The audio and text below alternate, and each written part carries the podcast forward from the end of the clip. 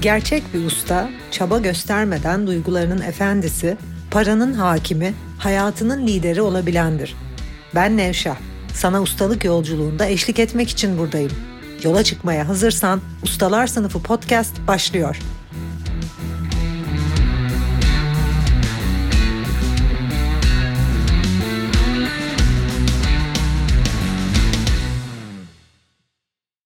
Ustalar Sınıfı podcast'inin yeni bölümüne hoş geldin.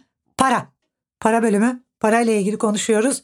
Niye? Çünkü maddi kaderinizi değiştirmeye niyetliyim. Türkiye'de şu anda ekonomik kriz veya dünya çapında ekonomik kriz birçok kişinin işte işiyle ilgili problem, işletmesiyle ilgili problem, para problemleri bunların hepsinin bilinç seviyesinde oluşan problemden olduğunu biliyorum ve bunu değiştirmeye, bunu değiştirmek isteyenlere yardım etmeye, destek olmaya ve %100 sonuç almaya kendini adamış bir öğretmenim ve bu sonucu aldığım için de öğrencilerimden her gün bir gün eksik olmadan her gün minnet mesajları, şükran mesajları aldığım için de dünyanın en şanslı insanı olduğumu düşünüyorum. Bulduğum bütün formülleri para eğitiminde sizlerle paylaşıyorum. Müfredat içerisinde bu yaşamı sadece para değil, her alanda ustaca yaşamanın, yaşamın her alanında tüm hedeflerinize ulaşabilmenin formüllerini öğretiyorum. Bugünkü konumuz yine para. Daha önceki bölümlerden şöyle bir özetleyeceğim. Evet, daha önceki bölümlerde dedim ki bir önceki bölümde para birimi değer birimidir. Her insan aynı değerde değildir. Bir insanın değerini kendini gerçekleştirmesi belirler. Sen kendini kendi özündeki, kendi varlığındaki serveti ne kadar bulduysan hayatında o kadar büyük bir servete kavuşursun. Dış dünyaya kulakları ne kadar kapadıysan, iç dünya gerçeği ne kadar hortladıysa diyeyim veya ne kadar ortaya çıktıysa sen o kadar değerli hale gelirsin. Gerçekten toplumda da değerli hale gelirsin. Ben bunu kendi yaşamımda ya da öğrencilerimde görüyorum. Bizler kendi varlığımızdaki servete ulaştıkça, kendi hakiki varlığımıza ulaştıkça o hakiki varlığı diğer herkesten farklı ve eşsiz olduğu için kendi eşsizliğini, kendi yeteneklerini, kendi özünü yüzeye çıkardıkça, dışarı yansıttıkça, kendini gerçekleştirdikçe her gün değerin artıyor. O yüzden müfredat öğrencileri başka hiçbir şey yapmadan sadece kendilerini gerçekleştirme yolunda ilerlerken kendilerini tanıma, bulma, gerçekleştirme, o özlerindeki serveti bulma ve yaşama dönüştürme hepsinin para akışı artıyor. Gelirleri 3-5 misline 10 misline artıyor. Bu nasıl oluyor? Kendiliğinden gökten para mı yağıyor? Bunu diyor olabilirsiniz. Ben her paranın akışı değişiyor.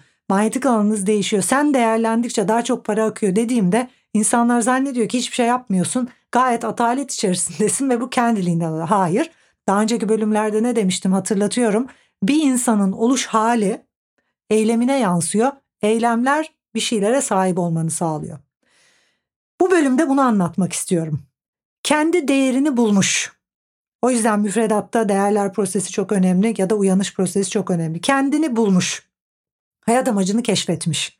Kendi değer noktasından bu hayatı yaşayan insanlar bu arada mitolojik kahramanlar olarak anlatılıyor aslında Yunan mitolojisinde veya diğer bütün felsefelerde en üst insan veya artık bir tanrıya dönüşmüş, tanrılaşmış insan olarak anlatılıyor veya hayat amacıyla hizada kendini gerçekleştirerek hakiki değerleriyle, öz varlığıyla, öz servetini bulmuş olarak bu hayatı yaşayan insanlara telos noktası, en tepe noktası, en üst nokta, tepe yer diyebilirsin. Bunu tepe oluş hali diyebilirsin. Bu noktayla bağlantıda, tepe hedefle, tepe amaçla bağlantıda insanlığın en üst seviyesi artık Tanrı'ya dönüşmüş, Tanrıçaya dönüşmüş insan seviyesinden konuşuluyor. Yine bunu müfredat öğrencilerimde, kendi hayatımda müfredat öğrencilerinde görüyorum. Bir insanın tanrısallığı aslında potansiyelinin en üstüne çıktığı yer. Her birimizin hani demiştim ya daha önceki bölümlerde belli bir enerjisi var. Her birimizin belli bir zamanı var. Her birimizin belli bir kapasitesi var. Ve bununla birlikte değerlerimizle ne kadar hizada olduğumuzla orantılı, kendimizi ne kadar tanıdığımızla orantılı ve bilincimizdeki şartlanmanın ne kadar az olduğuyla orantılı yani kendimizi gerçekleştirme oranımızla orantılı bizim potansiyelimizin en üst noktası ve en alt noktası var. Bir insan ne kadar koşullanmışsa, ne kadar dış dünyanın kurallarına göre yaşamaya çalışıyorsa, ne kadar beyni yıkanmışsa diyeyim ahlaki değerler, dini kurallar öyle olmalı, böyle yapılmalı, doğru olan bulur ve kendinden ne kadar kopuksa, ne kadar kafasında, zihninde şartlanmalar varsa, kibar insan olma, iyi insan olma, tit tit tit, tit peşinde koşuyorsa, ne kadar kendinden, özünden uzaklaşmış ve özgür yaşam deneyiminden uzaksa o kadar küçülüyor. Ve o yüzden ego bilincine shrinked consciousness deniyor. Yani daralmış bilinç. Ve o daralmış bilinç içinde bir kişi küçüldüğünde toplum baskısı denen şey herkese etkilemiyor. Bilincinde onu kabul edenleri etkiliyor. Yani sen ne kadar dış dünyanın kurallarına göre yaşıyorsan ve bilincindeki koşulları aşmak için herhangi bir şey yapmıyorsan o kadar küçük bir insana dönüşüyorsun. O kadar değersiz. O kadar küçük açılımı, küçük fikirleri olan, küçük eylemleri olan, küçük adımlar atan, yaratıcılığı az, yaşam enerjisi az, ilhamı az, yaşamdan aldığı tatmin az, eylemlerinin yarattığı etki az, hayatta attığı adımlar kısa, kısa minik bir insana dönüşüyorsun. Tanrısallığın tersi. Bizler kendimizi gerçekleştirdikçe, zihnimizle çalıştıkça, kendimizi buldukça, kim olduğumuzu keşfettikçe yani kendi varlığımızdaki serveti bulduğumuzda ve ona hakimiyetimiz geliştikçe ve zihnimizle çalışıp zihnimizi sınırsızlığa taşıdıkça, kendimize izin verdikçe biz zihnimizi genişletip subjektif küçük, dar, minik bilinçten objektif büyük, geniş bilince geçtikçe her şeyin mümkün olduğu ve yargının olmadığı ve doğrunun yanlışın olmadığı, öyle yapılmalı, bu böyle yapılmalı, böyle olmalının olmadığı, iç gerçeğimizin ortaya çıktığı ve ben her şey olabilirim ve her şey mümkün gerçekliğinde bu sefer o noktada büyük adımlar atıyoruz, eylemlerimiz büyük oluyor, attığımız adımlar büyük oluyor, kararlarımız büyük oluyor, etkinliğimiz büyük oluyor, sahip olduğumuz büyük oluyor, yaratıcılığımız artıyor, ilhamımız artıyor. O alt küçücük shrink consciousness, küçük bilinçte aklımıza örnek veriyorum. Gelirimizi arttırmak için iki tane fikir geliyorsa o büyük geniş objektif bilinçte 200 bin fikir aklımıza geliyor.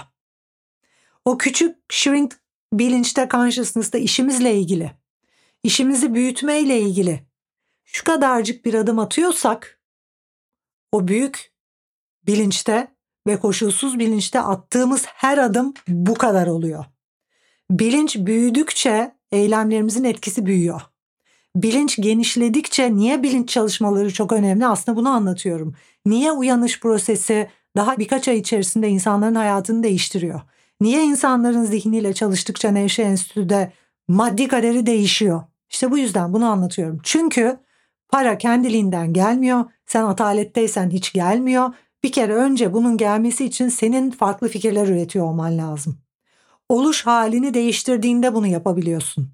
Niye oluş hali farklı, daha zeki, daha objektif bir kişinin aklına bin bir fikir gelirken, bin bir iş fikirleri gelirken bu insanlar büyük şirketlerde önemli pozisyonlarda yöneticiyken daha alt bilinçtekiler bunu yapamıyor?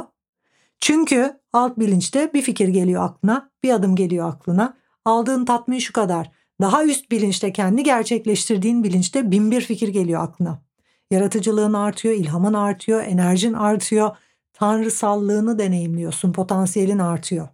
Ve o potansiyel arttığında kendinle hizalandığın işte o telos noktasından en üst amaç, misyon noktasından bu hayatı yaşadığında kapasitenin en üstüne çıktığın için maddi kapasitenin de yani madde dünyasındaki oluş halinin de en üstüne çıkıyorsun.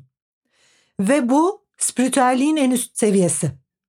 Oluş halimiz eylemlerimize ve eylemlerimiz sahibiyetimize dönüştüğü için bizim oluş halimiz en üst noktada olduğunda biz oluş halimizde en üst noktamızda telos noktasından bu hayatı yaşadığımızda misyon noktası, değerlerimizle hizada olduğumuz nokta, önceliklerimizle hizada olduğumuz nokta, en üst değere dönüştüğümüz, en otantik olduğumuz, en eşsiz olduğumuz noktadan ve enerjimizin, yaratıcılığımızın, her şeyin, ilhamın, tatminin en yukarıda, zekanın en üstte olduğu noktadan hayatı yaşadığımızda doğal olarak parayı hayatımıza çekmek için veya hayatımızda işimizi büyütmek için veya neyi büyütmek istiyorsak bir fikir değil bin bir fikir aklımıza geliyor.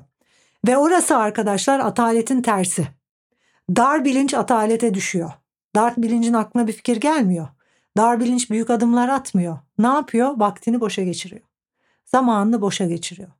Lay laylon boşa geçen zamanlar, değerleriyle hizada olmayan, ilham içermeyen, anlam içermeyen zamanlar ve alt bilincin kitlelerin özelliği bu. Üst bilincin bir dakikası yok boş. Niye? Çünkü hayatınız öyle bir hale gelebilir ki değerler prosesinin amacı bu zaten Nevşehir Enstitü'de.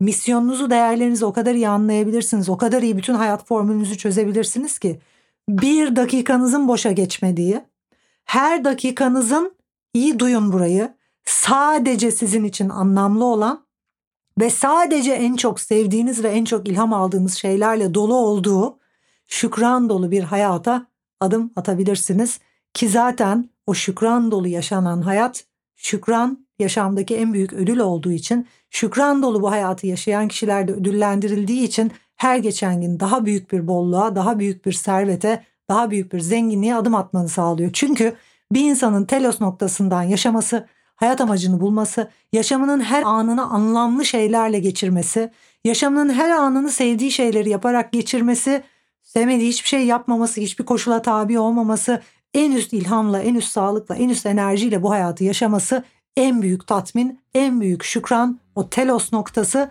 ve o şükran da bilincin en üst seviyesi de bolluğu, bereketi, parayı, serveti en çok kendine çeken seviye. Çünkü en büyük fikirler orada aklımıza geliyor.